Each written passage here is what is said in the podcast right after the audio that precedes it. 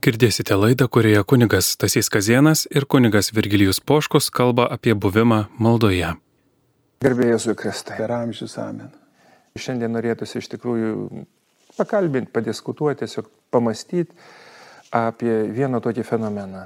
Gana dažnai dabar yra madoj tiesiog toks pasakymas, kad, nu, žmogau mokytis iš, tik iš savo patirties. Kad patirtis tikėjime reikalinga, tai čia nu, niekas nediskutuoja, bet dažniausiai tikėjimas mums padeda interpretuoti tą patirtį, kartais nepriešingai. Ir tas nuolatinis akcentavimas, kad mokytis tik iš savo patirties, klausyti savo širdies ar dar kažkokią gražią metaforą, nu, lieka kaip skambus lozungas, nes jeigu klausantis, kas vyksta viduje, tai ten tų balsų, Retai, kada išgirsti simfoniją, dažniausiai tai kokofonija būna visokių visokiausių tų dalykų. Arba labai keičiasi. Jo, ir vienas iš tokių klausimų būtų, nes vis tiek, e, kadangi pats nu, jėzuitas esi. Jo, ir Ignaco dvasingumas yra patirtinis iš tikrųjų. Be abejo, be abejo. Ir tas gebėjimas susiklausyti ir įsiklausius atpažinti, kuri dvasia ten kalba, yra be galo svarbi, kuri duoda tam tikrus orientyrus. Jeigu reikėtų sutikti žmogų ir pradėti tiesiog nuo pirmo tokio patarimo, kad kaip atpažinti, ot, kas ten kalba, psichologiniai kompleksai, baimės, Dievo dvasia, piktojo dvasia, nuo ko reikėtų pradėti žmogui? Turbūt mes pradedam dažniausiai, nu, ar ramiai jaučiuosi, ne, ar aš viduje esu ramus. Klausim, kaip tu jautiesi, žmogus įvardina, koks jausmas, bet kad atpažinti pradėtume, turbūt pirmiausia reikia, kad žmogus nu, jaustųsi nu, pakankamai ramus savo viduje. Bet dabar vat, man įdomu pačiam, kadangi apie tai kalbam ir kažkaip naujai pastebėjau tai, kad, nu, aš gal sakyčiau labiau apie maldą, kad žmogus skuba melstis. Atėjau bažnyčią, mažiau namuose, sukalbėjau ten maldas, ar paskaičiau šventą raštą, gal ten tyloj kažką pasimedžiau, bet jaučiu, kad ir tą iš pokalbių suprantu, kad pirmas dalykas iš tikrųjų tai turėtų būti atsisėsti, viški nurimti ir pagalvoti, ar tikrai aš tikiu, kad esu Dieve tavo akivaizdai. Nes realiai mes visą laiką esame Dievo akivaizdai, nieko nepasislėpsim. Bet ar aš tą truputėlį savys įvardinu, kad tu Dieve žvelgi mane, žvelgi ne kaip kažkoks prievaizdas, bet tas, kuris nori man gero, kuris mane palaikančiai žvelgi mane laiminį, nori mano pastangos ir, ir mano laimingo gyvenimo. Ir tada, jeigu man pasiseka toks nurimimas, ne, ateiti Dievo akivaizdą, ateina kartu ir ramumas. Ir tada aš jaučiu labiau, kas manyje, koks manyje jausmas, kokia manyje nuotaika ir kas man kalba. Ne. Arba žmogui užduodi klausimą, kaip tavo atrodo, kieno čia, kas autorius tos vienos ar kitos minties žmogus pradeda juokti, sako, supratau. Na, bet paklausti netgi savęs, iš kur, iš kur ateina ta mintis, kas autorius ir žmogus pajunta. Jausmu mes iš tikrųjų nu, neturim remti savo tikėjimą. Yra labai gera, kai maldo yra toks nu, geras jausmas, ar ne? Taip. Bet yra vis tiek protas ir valia, neapsisprendimas protu, ką, kaip aš suprantu, pavyzdžiui, švento rašto kažkokį tekstą arba tikėjimo tiesą, aš nu perskaitau, ne, kad yra Dievas, sakykime, kuriejas viso ko, ne kaip aš tą suprantu, kaip aš tą priimu. Čia jausmo gali nebūti jokio. Arba sakyti, aš čia viską darau, ne, nuo manęs priklauso. Bet protas ir už ką valingai aš apsisprendžiu. Ar aš priimu tas tiesas ir už jas apsisprendžiu. Ir dažnai tada jausmas ateina irgi tam tikras. Jeigu padarau teisingą, valingą apsisprendimą, viduje ateina ramybė. Ar ne? Ar teisingai mastau? Iš patirties galim sakyti, no. kad jeigu apsisprendžiam ir padarom gerus dalykus. Ir yra ramu. Taip. Tai yra dažniausiai visuomet faktiškai yra Dievo, dievo veikimas. Ir labai toks taiklus ir šmaištus pastebėjimas, ypatingai apie tą nurimimą maldoji. Jeigu yra netgi sakoma, kad Dieve netrukdyk, juk matai, kad melžiuosi. Iškia, nu, iš tikrųjų, juk daugelis, gal negalima vartoti to žodžio daugelis, bet pakankamai didelis skaičius tų maldų, kurios yra sukalbamos, jos yra labiau panašios ne į pokalbį su Dievu, o į tam tikrą bandymą išvengti kažkokio kalties jausmo. Aš atlikau pareigą. Va, atlikau pareigą. Aš bandžiau, man nesisekė, bet... Nu, jo, ir Dieve, tu nesitiš kažkaip, aš turiu savo gyvenimą, noriu, sakykime, kaip dvasinio odekolono pasipurkst, malda buvo. Mums turbūt maldo yra nu, ne, ne tiek svarbu sukalbėti maldų skaičių ten ar ką, bet skirti laiko Dievui. Ar ne?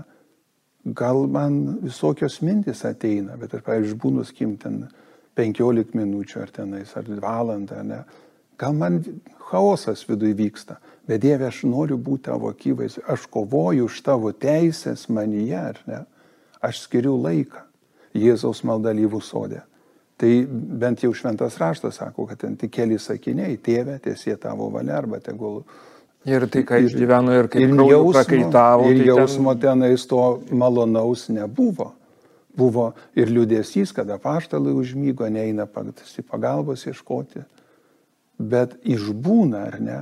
Esmė, kad malda tam gal ir labiausiai, kad mes neatsitrauktume, neužleistume tų nu, Dievo teisės pozicijų savienė. Dievas turi mane teisę. Ir kad aš norėčiau nu, bendradarbiauti su juo. Ir kartais tam reikia, už tai reikia kovoti. Ir malda labai dažnai, kiek jau pats vat, meldiesi, ne, kiek to saldaus jausmo turi maldoj. nu, būdavo seminarijų, aš atsimenu, seilę rydavau, kai buvo gerai. Ir dabar kartais būna. Taip, bet, negaliu, bet, bet ne ant jausmą einam, ar ne? Bet va to, sakykime, net ir jeigu imsim ignacišką maldą, tai yra vienas iš klausimų, pavyzdžiui, žmogus meldė su, su šventu raštu ir klausiu, ką tu jautėjai.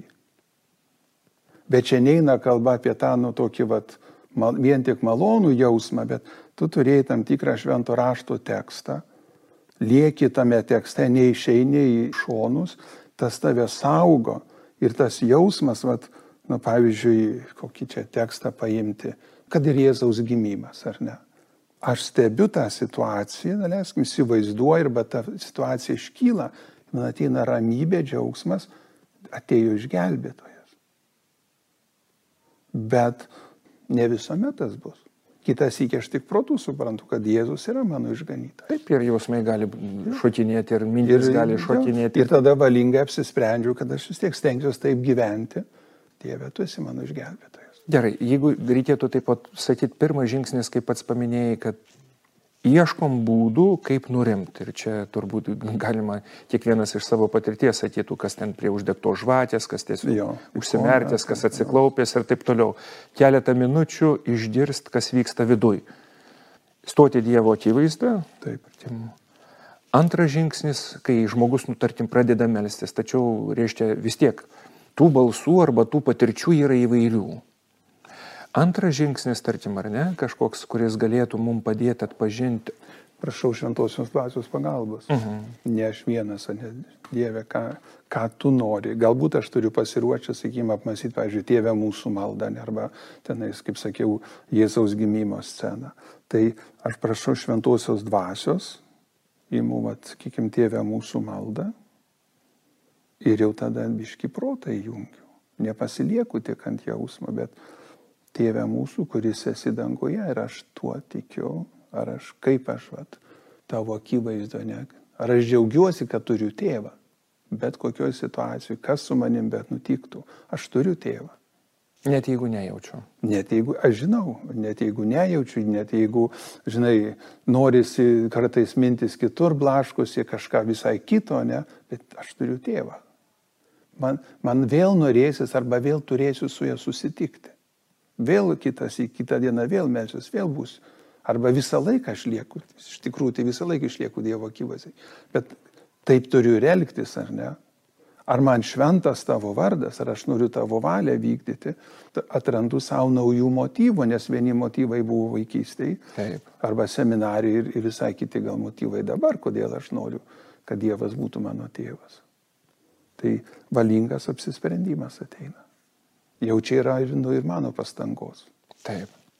O jeigu reikėtų dabar pabandyti pagalvoti, o koks būtų trečias žingsnis? Visuomet dažniausiai, arba visuomet tai negalima absoliutinti, bet kodėl aš einu į maldą, ne? Kodėl aš medžiuosi? Galiu turėti tam, tam kartui nu, konkrečią kažkokią intenciją. Tai ar aš gaunu tą malonę, ar aš noriu tos kažkurios konkrečios malonės gauti. Pavyzdžiui, išgyventi, kad aš esu Dievo vaikas. Ir tada pasižiūrė, ar aš tikrai nu, kažkaip pradedu labiau tai suprasti, įsivardinti savo, kad aš, aš esu Dievo vaikas, vadinasi, aš turiu taip ir elgtis kaip tėtis kokia tėčio valia, ne, kad jis galėtų nu, džiaugtis arba ten ne, ne dėl baimės, ne dėl bausmės, bet jam garbę suteikčiau. Ir paskui, tuoj paskui baigiu galbūt maldą. Padėkoju kažkokį suvokimą, kažkokį gal išsiblaškimą turėjau, padėkoju ar atsiprašau, ar, ar tiesiog meldžiu palaiminimo toliau keliauju. Tai tas jausmas, jis, jis reikalingas, bet jis nėra pagrindinis. Jo, jis, ar galima būtų įvardinti, kad jausmas būtų tarsi skonis, kuris, na, nu, vat... Jo, jis, priduoda, jis vis tikrai priduoda tam tikrą vat, kvapą, skonį. Jo, nes ramybę. maistas, medžiagos jos reikalingos, kad išgyventi, bet jos kartais būna taip, kad ar dėl mūsų pačių, ar dėl to COVID, iš čia nebejaučiam to skonio. Vis yra daugybė kartų buvę taip, kad, žinai, nu, nueini maldą, prabūni ten kažkiek laiko paskui ar aš meldžiausi ar nesimeldžiau, bet jauti, kad vis tiek visas, visas esi kažkoks ramesnis arba tvirtesnis ar savy labiau su, žinai, vieningas, neišsibarstęs. Tai malda, net jeigu atrodo nieko konkretaus nėra, jinai vis tiek pakeičia. Kartais sako, išėjau iš maldos sotus. Nebėra to vidinio alkio kažkokio, kurio ne, nežinai kaip įvardinti, bet sotumas yra.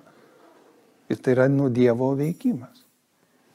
Kur šitam reikale galima būtų pastebėti ir kaip galima būtų įvardinti sąžinės tyrimą, nes jis irgi leidžia atpažinti, sakytim, tiems blogio balsams, leidžia atpažinti nu, blogas tendencijas arba, sakytim, piktojo veikimą, kuris nu, irgi yra, nu, dėja, bet nu, mūsų gyvenimo dalis. Pagal Ignacą tai čia labai, nu, kaip sakytum, vakare dar neinant miegoti, bet, kikim, po darbo ten ar kokią 8 valandą, kol dar esi pakankamai nu, samoningas, ne, nemieguistas, ne, pasižiūrėti, kas šiandien man įvyko dienoj. Man tai labai patinka, žinai, ten yra Ignaco metodas su, su penkiais punktais, bet aš asmeniškai tai naudoju, žinai, kai važiavau dar į kariuomenę prieš seminariją, tai vienas kunigas sako, tau nebus kada melsis kariuomeniai. Tai sako, atsigulęs užsidempsi kaldrą ant galvos ir pagalvosi tris žodžius - ačiū, myliu ir pasigailėk. Tai ačiū šią dieną, žinai, tai joje visko buvo, gerų, gal sunkių dalykų, bet ačiū Dieve, myliu. Tai už visą, kas vyksta, nes tu, tu ir lieki mano Dievas, mano išganytojas. Ir buvo negerų pasigailėk, ne. Teik malonę, pasigailėk, tai nereiškia, kad aš vien tik tais nu, už kažkokį blogį tą dieną padarytą gailiuosi, bet pasigailėk už tą blogį, bet ir teik malonės rytoj, kad aš galėčiau aukti, kad rytoj galėčiau labiau mylėti, labiau pasistengti, kad duok savo malonės. Tai man tas variantas toks, žinai, trumpa ir aišku, ačiū, myliu, pasigailėk. Ir labai norėtųsi vat, sugrįžti prie to dalyko, prie sąžinės patikrinimas, bent jau iš tikrųjų statistiškai daugumai, vis tiek asocijuosi su kalties jausmu, ne su Dievo gailestingumu kaip tokiu. Ir sąžinės patikrinimo masiškai yra vengiama būtent dėl to. Reiškia, bent jau žmonės, sakytim, tie, kurie dalyjasi ir stengiasi kažkokiu būdu, sako, po sąžinės patikrinimo aš išeinu dar prastesnės, labiau nusiminę savim. Sako, diena jau pasibaigė, ne viskas vyko ten sklandžiai ir visa kita. Padarau sąžinės patikrinimą ir dar labiau savim nusi, nusimenu. Ir čia suprantam, kad nu, ne taip turi būti, nu, ne, ne taip. Matai, sąžinės patikrinimas, Ignacas į kitaip vardina, dienos peržvalga. Pasižiūrėti, kas dienoj vyko ir net akcentas yra ne tai, kad nu, suklydau, ten susikeikė ar ten kažką, žinai, bet kodėl tai įvyko, atrasti priežastį, kodėl aš va taip, žinai, grįžau į, į namus iš darbo ir ten apriekiau kitus. Kodėl? Koks, kas man jie vyksta, žinai. Tai e, sąžinės patikrintas, dienos patikrinimas, sąžinės peržvalga, kaip bežiūrėtume, esmė yra, kad aš atpažinčiau šaknis, iš kur tai pas mane atsiranda. Ir čia yra daugiau tam, kad manie būtų augimas Ne kad suskaičiuočiau nuodėmės, ne? Nuodėmės tai skaičiuojam prieš išpažinti. O čia žiūriu priežastį, kodėl aš šiandien vėl suklydau, ne? Ir tada, nu, biški pasiryšti, kad rytoj, jeigu aš, nu, vat, jaučiu, kad iš darbo parėjęs, normalų, pavargęs ar ką, tai ką man gal prieš atsirakinant duris pakvėpuoti kelis kartus arba ar ten kokią maldelę sukalbėti, arba pirmam pradėti pokalbį, kaip gražu jūs manęs čia laukėte, ne aš vad grįžtu. Arba gal jums reikia ką nors padėti, aš jau parėjau. Ieškoti būdų, čia kiekvienam skirtingai aišku būtų, bet čia nėra, kad turiu tik su, pamatyti nuodėmės. Man labai patiko, kada e, Kaslauskas paaiškino tas vat, viešpatie pasigailėk, Kristau pasigailėk. Sako, bažnyčiai vis žmonės save, aš esu kaltas ir esu kaltas. Ir sako, bet čia tas šūkis yra tam, nu, kontekste, kad grįžta imperatorius, sakykime, po kažkokio mūšio ir žmonės šaukia, priimk mus į savo globą. Pranti, bet ir tas pasigailėk, tai reiškia, kad tu mane globok, tu mane saugok, tu rūpinkis manim, tu esi galingas, ne? Tai va aš dabar kažkaip labiau į tą žiūriu, kad Dieve, tu esi galingas ir tu mane, manim rūpinkis. Taip, aš, aš nusidėjęs prieš tave, tai čia nu, vienareikšmiška. Tai mums svarbu atpažinti, iš kur nuodėmė kyla. Vėl grįžtume tada nuo to, ko pradėjom įsiklausyti, kas buvo ta paskata. Taip. Nes jeigu... Tai va tas nurimimas, ne, ar man jie yra ramu ir kars nuo karto tas nutilimas.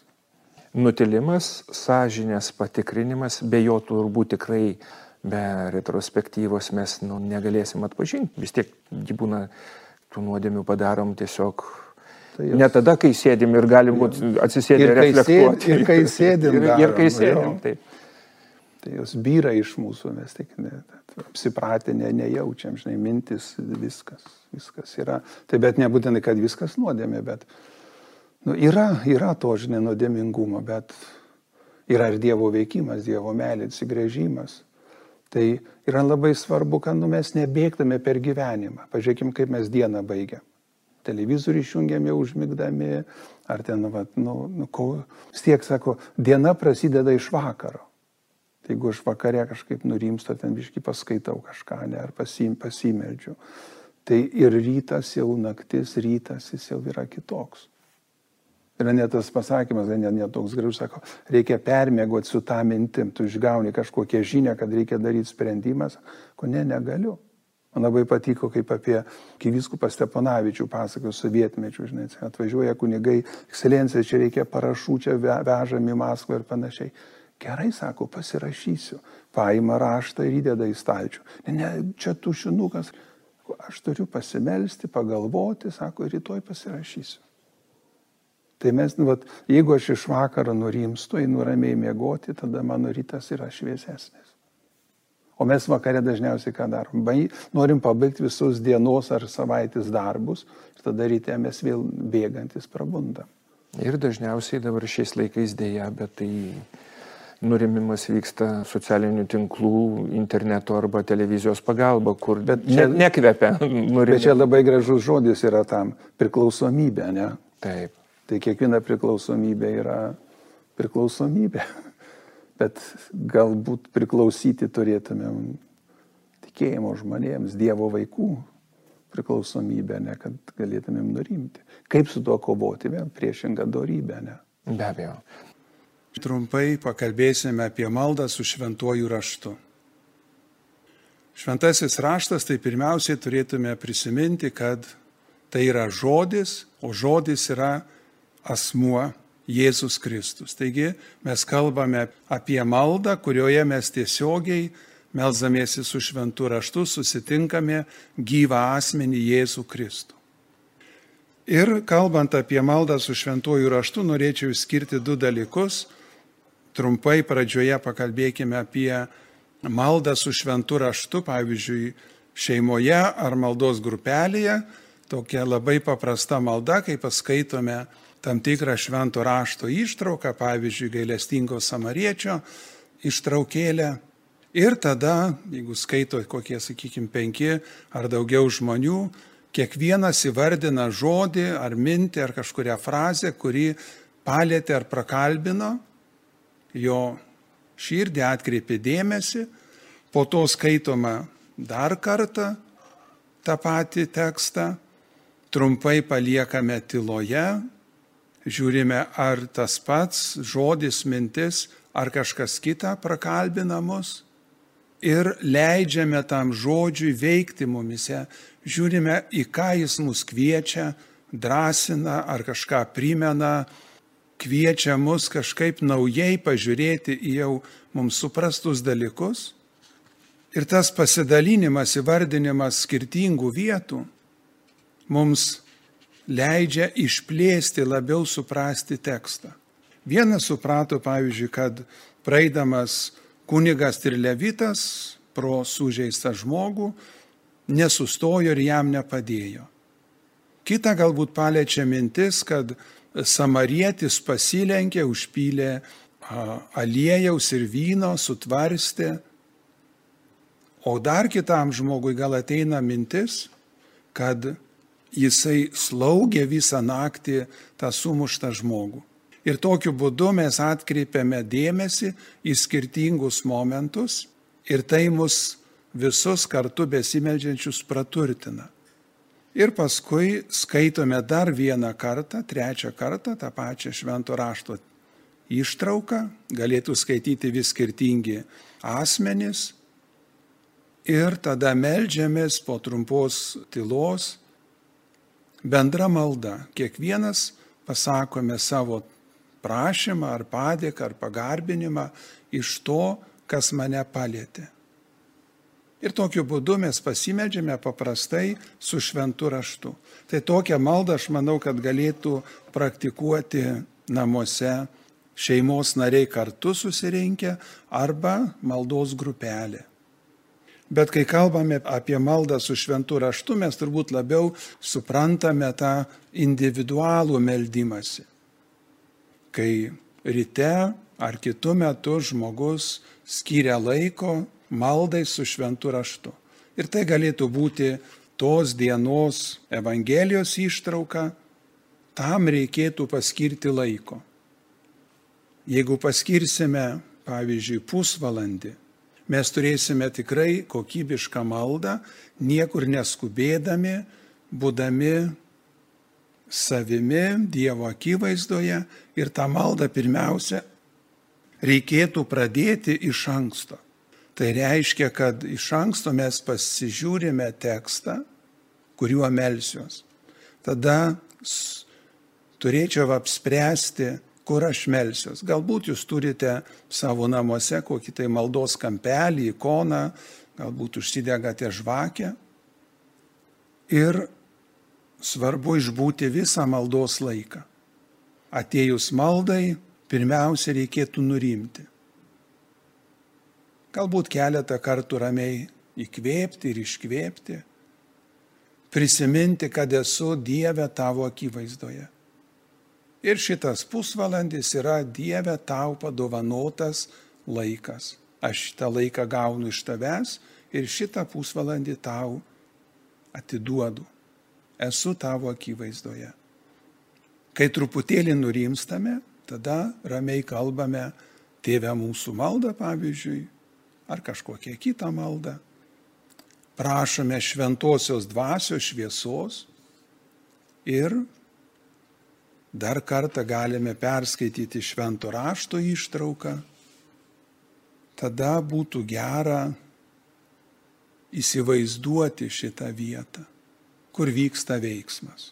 Jeigu mes vėl paimsime tą pačią švento rašto ištrauką apie gailestingą samarietį, tai mes galime įsivaizduoti, kad esame kažkokioj dikumoj, kelyje, kur nėra kitų žmonių išskyrus tą keliaujantį, plėšikai, kurie jį sumušė ir paliko, ir praeinantis kunigas, levitas ir samarietis, kuris pasilenkė. Turbūt geriausia būtų sustoti prie tos vietos, kaip samarietis pasilenkė prie sumušto žmogaus. Taigi turiu tam tikrą vaizdinį. Nereikia jo dirbtinai mums sukurti, bet leiskime, kad Dievo dvasia mums padėtų tam vaizdui iškilti mūsų dvasioje. Meldžiantis su šventuoju raštu, mes turime tam tikrą saugumą. Ir čia būtų prašymas išlikti šventojo rašto teksto rėmose, neišeiti kažkur plačiai pasiduodant įvairioms svajonėms, bet švento rašto tekstas mus apsaugo. Tada reikėtų pagalvoti, ko aš prašau šitos maldos metu. Galbūt aš meldžiu Dievą gailestingumo malonės, kad jis pasilenktų prie mano rūpeščių, prie mano žaizdų. Galbūt aš galiu prašyti šiuo atveju, kad pats būčiau kitiems sutiktiems žmonėms gailestingas, pagarbus, atjaučiantis. Galime prašyti to, kas mums atrodo tuo metu, tą dieną aktualu. Malda visuomet jinai turėtų būti aktuali, netitraukta nuo mūsų gyvenimo realybės, tos kasdienybės, kurioje mes gyvename ir esame. Sekantis žingsnelis maldoje galėtų būti pasižiūrėti tekste į veikiančius asmenis. Kas yra tie asmenys, kurie veikia šios, šioje ištraukoje? Tai būtų kunigas, levitas, samarietis ir sumuštas žmogus. Tada pažiūrėkime, kad yra ne tik asmenys, bet yra taip pat ir žodžiai ir veiksmai. Nereikėtų atskirti labai maldos metu, dabar tik žiūriu į asmenis, dabar tik tai žodžiai, dabar tik veiksmai. Viskas yra persipinę, bet kad būtų aiškiau, mes žvelgiame į asmenis ir tada bandome prisiminti, nebeieškoti tekste, bet prisiminti, kokius žodžius jie pasako. Ką tie žodžiai, ištarti žodžiai sako man. Gali būti, kad kai, kai kada, pavyzdžiui, pasilenkęs šios Evangelijos ištraukoje samarietis, gal jis nieko nepasako, nėra užrašyta, bet mes galime įdėti į jo lūpas keletą žodžių. Pavyzdžiui, paklausę, ar tau labai skauda, arba aš tau padėsiu, pasirūpinsiu. Tada matykime, kokius veiksmus atlieka šitie veikėjai. Kaip samarietis nulipa nuo savo gyvulio, su kuriuo keliauja, išima vyną, aliejų, užpila, tvarsto žaizdas, tai yra meilės ženklai, rūpešio ženklai, gerumo, gailestingumo ženklai, kaip jisai užkelia ant to gyvulio sumuštą žmogų ir jį gabena į užeigą. Ir tokiu būdu mes galime truputėlį, sakytume, sukurti tokį kaip ir filmą. Mums yra svarbu pažvelgti, ką žodžiai, veiksmai, tas elgesys sako man asmeniškai. Į ką tai mane kviečia, ko mane moko, kur link mane nukreipia. Ir visuomet maldoje su šventu raštu mes turėtume pažiūrėti, kokios dvasinės naudos aš gausiu šitos maldos kokios dvasinės naudos. Tai nėra kažkoks savanaudiškumas, bet tai yra noras ir troškimas aukti pačiam dvasiškai. Taigi maldos metu yra svarbu neskubėti, gerai įsižiūrėti. Ir šiuo atveju drąsinčiau, kad mes nebijotume susitapatinti su vienu iš veikiančiųjų asmenų. Pavyzdžiui, aš esu tas keliavęs žmogus, kurį apiplėšia, sumuša ir palieka. Ir mes kiekvieną savo gyvenime galime prisiminti tokiu atveju, kai patyrėme kažkokias skriaudas. Ko tada norėjau? Ir prisijėmę sumušto ir palikto žmogaus rolę, aš laukiu pagalbos. Gailestingas samarietis iš tikrųjų pagal bažnyčios tėvų mokymą tai yra pats Jėzus Kristus. Jis prie kiekvieno iš mūsų pasilenkia. Ir tokiu būdu aš galiu įeiti į gyvą santyki su Jėzumi, kuris pasilenkia prie manęs. Šiam galiu pasakyti savo rūpestį, savo išgyvenimą, savo troškimą, jo pagalbos paprašyti, padėkoti. Ir tokią maldą su šventuoju raštu reikėtų užbaigti tokiais dviem svarbiais dalykais. Pagalvoti, kokią malonę aš, iš tikrųjų, ar aš gavau tos malonės, kurios prašiau, ir kokį pasiryžimą galiu padaryti. Tas pasiryžimas galėtų būti labai paprastas, konkretus ir gyvenimiškas. Pavyzdžiui, šiandien važiuodamas automobiliu, jeigu kažkas stabdys, aš sustosiu ir jį pavešiu. Arba jeigu ten kažkas kažko klaus, tai tiesiog ramiai paprastai paaiškinsiu, skirsiu laiko. Arba aplankysiu ligonį ir panašiai. Bet kiekvienas mes turime konkrečių dalykų ir juos praktikuokime savo gyvenimui. Ir tada maldą užbaigti po pasiryžimo pasikalbėjimu. Pasikalbėjimas reiškia pokalbis iš širdies į širdį. Dėkoju Jėzui, kad jis leido man šitoje maldoje būti, jį susitikti. Dėkoju už jo gerumą, už jo rūpestį, kuris mums parodė savo gyvenimu ir palikdama šventą įraštą. Iš šventojo rašto teksto melžiuosi. Galiu iš naujo išgyventi susitikimą su Jėzumi. Pasakyti tiesiog tai, kas man svarbu, kas man rūpi, kas man nesiseka, kur man reikia jo pagalbos.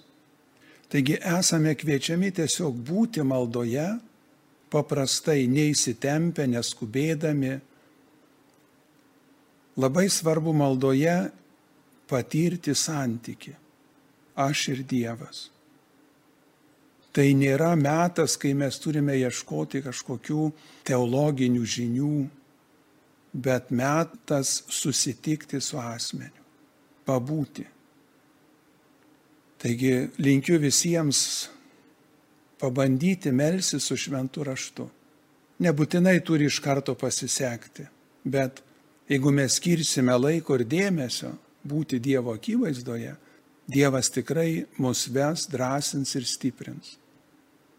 Taigi visiems gražios maldos, individualios maldos su šventuoju raštu, bet taip pat drąsinu ypatingai šiuo metu, kai bendrystė su kitais žmonėmis yra pribota, pabandyti savo namuose, savo šeimose kartu paskaityti šventą raštą ir pabandyti pasidalinti ne teologinėmis įžvalgomis, bet tuo, kuo mane prakalbina, kaip ir kur šventasis raštas mane prakalbina ir kur aš noriu atsiliepti Dievui. Tuo pasidalinti su kitais.